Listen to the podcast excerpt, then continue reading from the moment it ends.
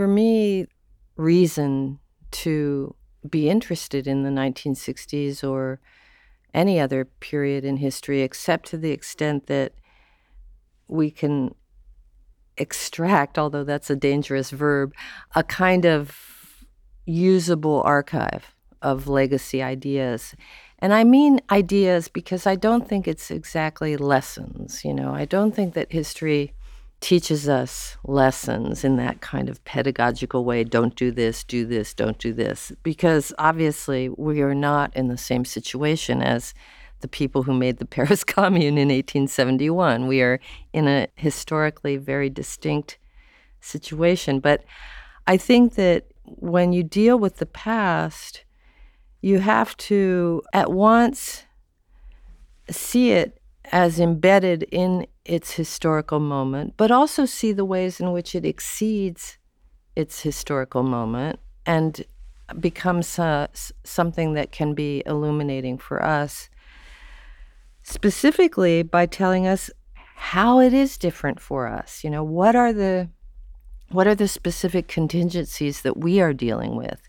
And it's in those comparative kinds of relationships to past moments that we can begin to uh, locate the specific imperatives of our own time. I actually was not trained as a historian, I was trained in literature, and I think that that has a certain advantage.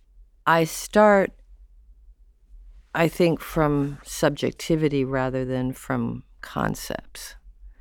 And social scientists, including historians, but particularly political theorists, political scientists, they start from a concept and then they try to mobilize the masses to prove or disprove their concept.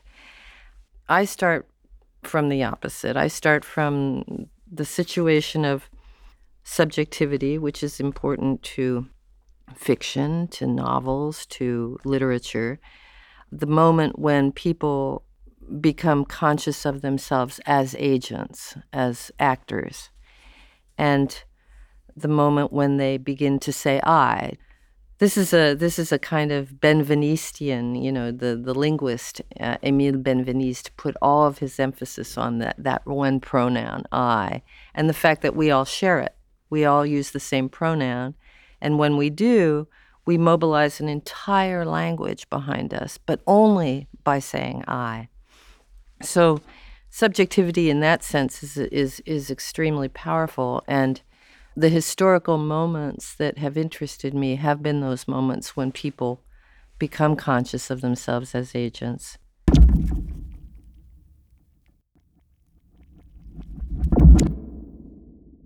Kristin Ross believes that we should not have a pedagogical relationship with the past. History does not hold lessons for us.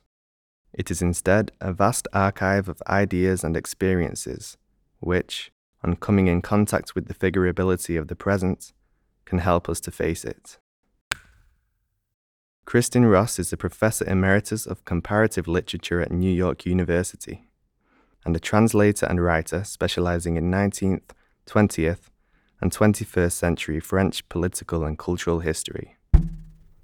In recent times, she has turned her attention to contemporary territorial struggles such as the ZAD, Zone à défendre, against proposed mega airport in Notre Dame des Landes in France, and No TAV, Treno Alta Velocità, against the construction of a high speed train corridor connecting Turin to Lyon. In each case, what started out as a movement in defense of the land led to the creation of alternative communities, in which solidarity and cooperation networks generate new forms of life ready to take a stand against the logic of neoliberalism. Ross traces the narrative thread of these forms of struggle and action back to the Paris Commune of 1871, to May 1968, and to the Occupy movements in 2011, moments when people became aware of themselves as active historical agents.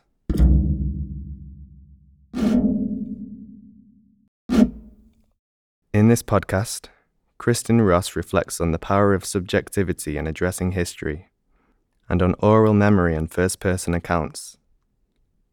She examines the subversive potential of today's environmental struggles as forms of activism capable of generating a new ecological, social, and political intelligence. And she recaptures the associative and cooperative spirit of the Paris Commune, explores the needs to move beyond official national fictions, and defends solidarity as a political strategy.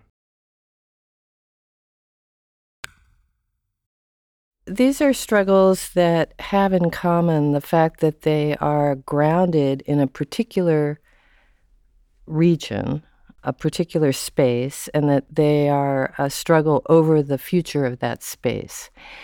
And in the case of Notre Dame des Landes, this is a uh, a battle really that went on for over 50 years. Now, this makes it the longest political struggle in modern French history. So, geographically, it's quite small, but in terms of the duration of the struggle, it's extremely significant. And it was an attempt, ultimately successful, to block the construction of an international airport outside of um, Nantes, a city which already has an international airport. Uh, the new airport would have been essentially redundant, and it would have destroyed 1,600 hectares of farmland and wetlands. So Around in the late 1960s, the government designated this area to become the future airport.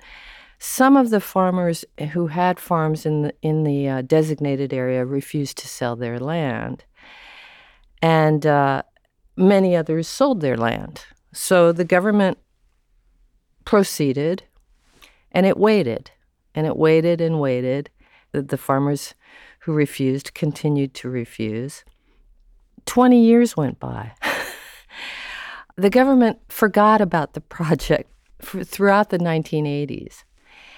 And it was only when the socialists came back in 2000 that they began to uh, become interested again in starting the airport. So they um, they hired a construction company. They they they proceeded along, and uh, at this point, the resisting farmers needed help.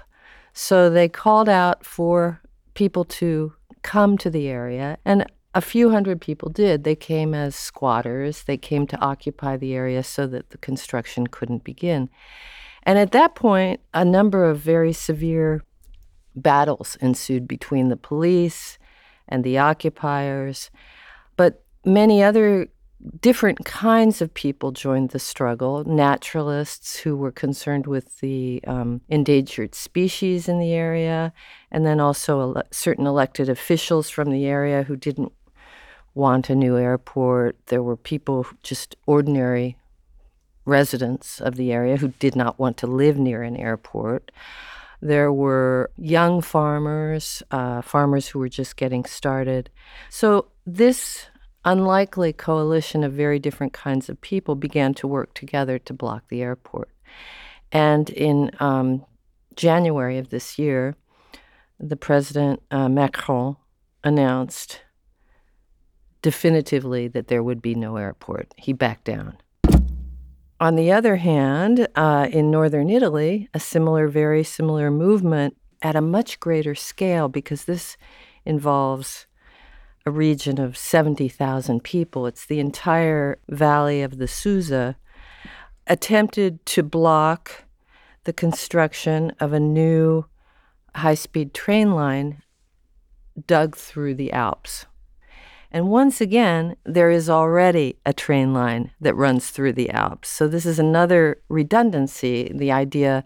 And the train line that exists is only half full um, when, it, when it runs.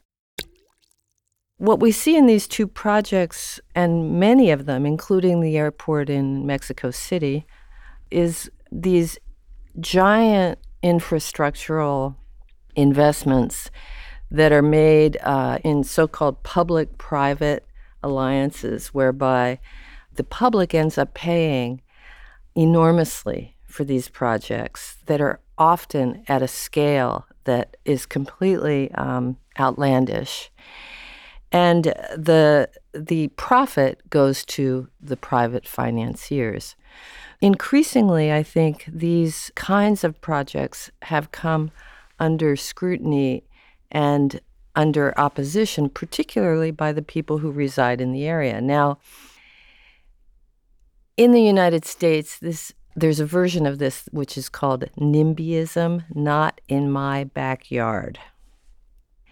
And this is a fairly upper class kind of an uh, attitude, which is I don't want a polluting thing near me, but it's all right if it's somewhere else. What makes a um, something like the NOTAV movement and the uh, Notre Dame des Landes movement different from NIMBYism is that the people who were opposed to the airport initially began to realize that they weren't just opposed to the airport, they were opposed to the, the world of the airport, what the airport signified, the idea that the place where you live, because of finance capital, can become simply a place that people pass through. And in order to prevent that, to prevent the area where you live from being merely that, in other words, merely a a spot, a node in um, the transportation of various kinds of finance and various kinds of commodities, various kinds of tourists, you know, the flow of capital exchange. You have to become organized across, again, across very, very different, bring together very different kinds of people. And this is not common in the left. You know, the left is usually made up of people excluding people, you know, saying, "Well, you're not the right identity. You're not a, a uh, you're not a strong enough Trotskyist. You're not a true Marxist. You're not a true socialist." People are constantly being excluded in the left. This is the opposite. So I see it as something very new. I can give you another example of a recent success and that took place in Valparaiso in Chile. This year again, a 10 year struggle came to an end. The government in Chile had announced that the entire harbor area of Valparaiso was going to be transformed into a, a shopping mall. And this was a working harbor. You know, this was a dock. It, you know, it was an actual functioning harbor.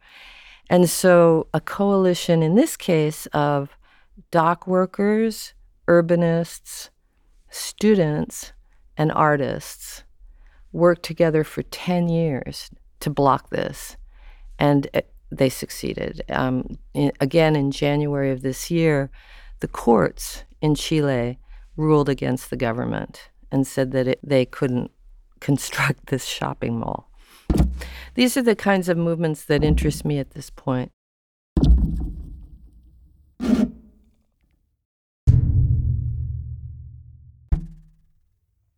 What I saw at Notre Dame des Landes were people who had become quite independent of the state.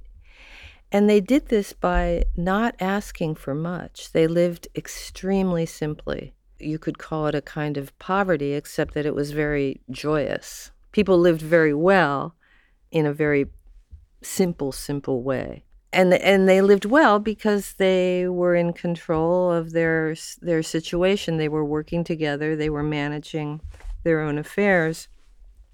And at a very at, at a certain point, the police refused to enter the ZAD. 2012, I think that started. So for many years, they were simply off the grid. to give you one example, the census, people never knew exactly how many people lived at the ZAD because the census takers were too frightened to take the count. So no one knew. So, you know, they, they were becoming increasingly self reliant. They were growing their own food, taking care of their health. People from all over the world came and helped them People from Switzerland helped them build a pharmacy. Visitors would come, uh, people with certain kinds of building skills. Uh, so, thanks to this network of support and their own um, development of their skills. You know, one of the things I noticed immediately was that had to do with women and had to do with the fact that women were really pretty much doing most of the work involving the tractors, repairing the tractors, repairing the farm uh, equipment.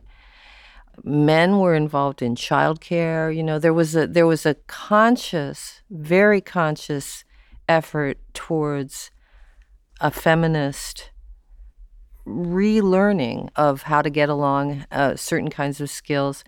Women tended to be at the forefront of theorizing what was going on in their daily life. You know, this was uh, very striking. It was certainly the most feminist place in France that I had ever observed.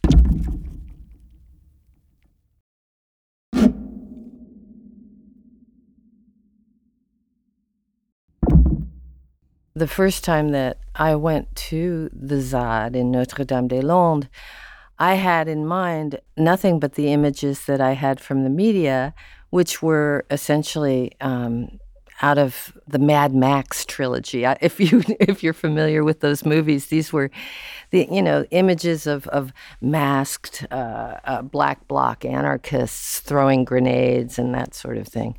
And so when I got there, I was struck by how different what I saw was. I saw old people, I saw primarily women, I saw babies, I saw cows, I saw, you know, this was a situation of, of uh, again, a, a, an amazing variety of people, which included some people who certainly were concerned with frontally attacking the police. I mean, they were there too, but they were there in a context that included other people who were nonviolent. And yet, once again, neither the nonviolent people nor the violent people were trying to persuade the others of the superiority of their tactics or their, their mission. I would emphasize this again that what fascinates me about this kind of um, coalition, this working coalition, is the ability to create solidarity in diversity. And that diversity includes people who are open to a kind of violent relationship to the state and those who are completely opposed to it.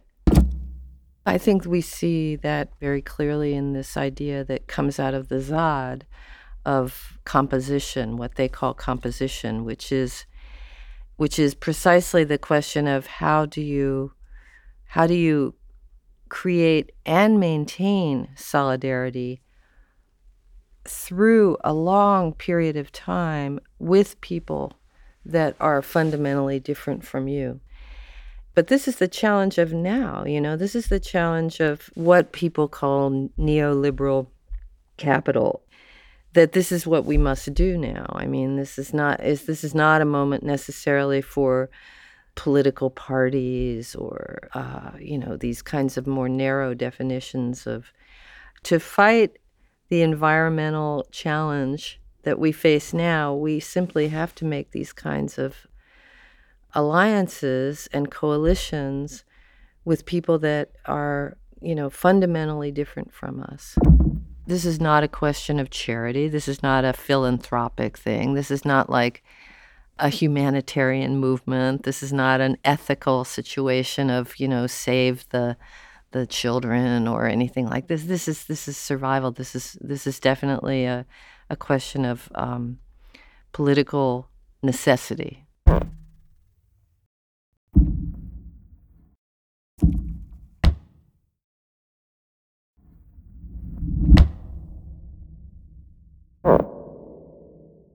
This is the paradox because these kinds of movements are entirely based on being embedded in a particular region and a particular history. So how can that how can that spread? That's the question. And it is very interesting because I think that, you know, you're not going to do it through these kind of globalized networks. Uh, to go back to an earlier historical example like the Paris Commune in 1871, which was entirely located in the city of Paris, and the the Versaillais had had encircled the city, there was no way out, and there was no way really to communicate with any supporters at all. After the massacre that brought an end to the commune, the survivors who, you know, made their way to Switzerland or to England or to the places that would accept them, spent a lot of time asking themselves that exact question. How could they have connected how could they have reached how could they have in their in their situation they couldn't but that question of federating you know how do you create a federation of these smaller movements so that they each have their own autonomy which is essential and which is you know essential to their own self-definition and to their own democratic procedure you know you can't the there's a question of scale, really. You know, you have to stay at a certain size in order for everyone to be participating, for everyone to really be implicated in the kind of decision making and and yet you can't be closed off into yourself. You can't be just simply in a, you know, a kind of paranoid formation isolated from the rest of the world, cut off from the rest of the world. So, a lot of the the theory that came out of um, the survivors of the Paris Commune had to do with that question, and uh, I wrote about that at the end of my last book because I found that to be in many ways the most interesting dimension of the experience that they they realized that that question of federation is is is the most essential one. And I think that that's certainly going on at a place like the ZAD. I, I was in the woods in the forest one day and I turned around there and six Mexicans were suddenly there and they had arrived from Chiapas and or or the people from the ZAD went to Italy and and um, wrote about the Notav movement. One of the the interesting kinds of historical connections that I find fascinating is what I see now as the major battles of the 1960s occurred in Japan. And uh, it was a, a another 10 year struggle on the part of farmers to block the building of the Narita airport. Of course, they failed. But that uh, was a very, very violent um, uh, battle. And filmmakers who who um, filmed it uh, included a, a, documentarian from uh, Brittany. He showed uh, the film of what the uh, Japanese farmers were doing in Brittany right at the same time that Notre Dame des Landes was getting started. So you, there are various kinds of circuits of connection that that bring these movements together, and they are hyper aware of each other and the uh, their um, trajectories. And, and, that's why, in a way, another reason why these these moments interest me because they are profoundly international.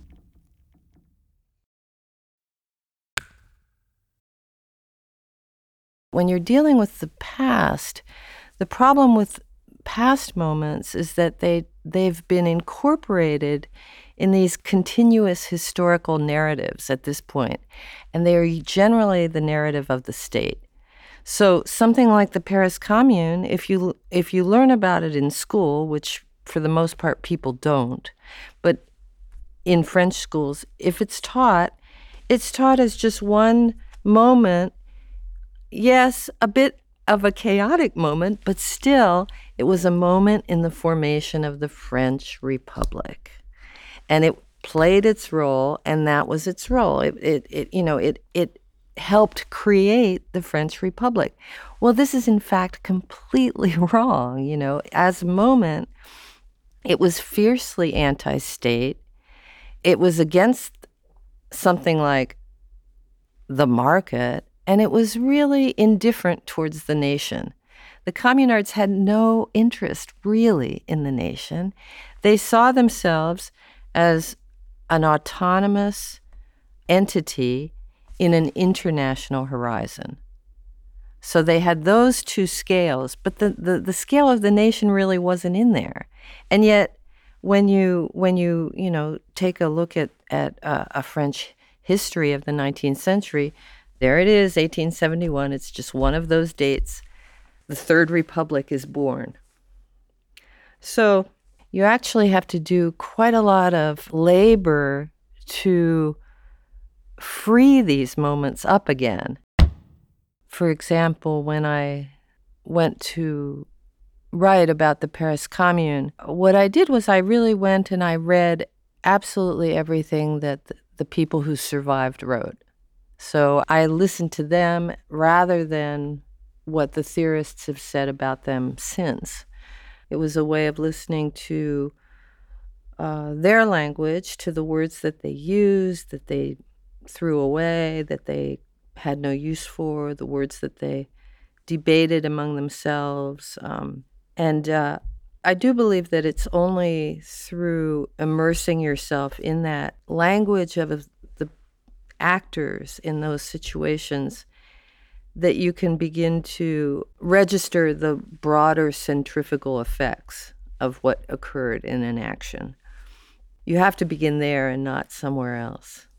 And then you can you can start to derail the teleology of the nation state which defines historical narrative. You know, historians are the most nationalistic people in the world. They they cannot see beyond it.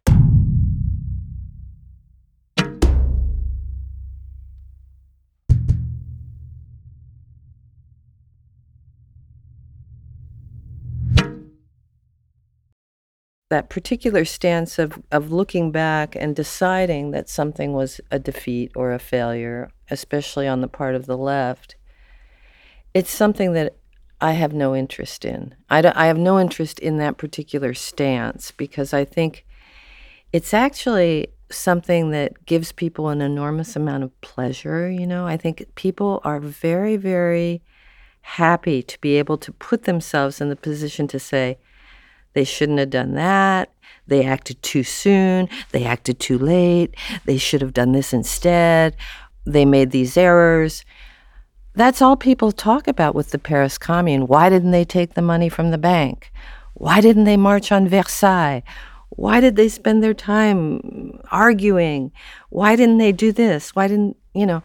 And I, I think that 90% of books about the Paris Commune are that. And the reason is can only be that this gives people a lot of pleasure to do that.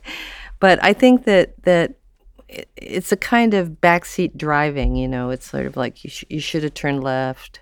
And the problem with that is that what it shows is that so much of progressive thinking about emancipation still acts as though we can gauge what the criteria were for measuring anything. How do you measure defeat? How do you measure success?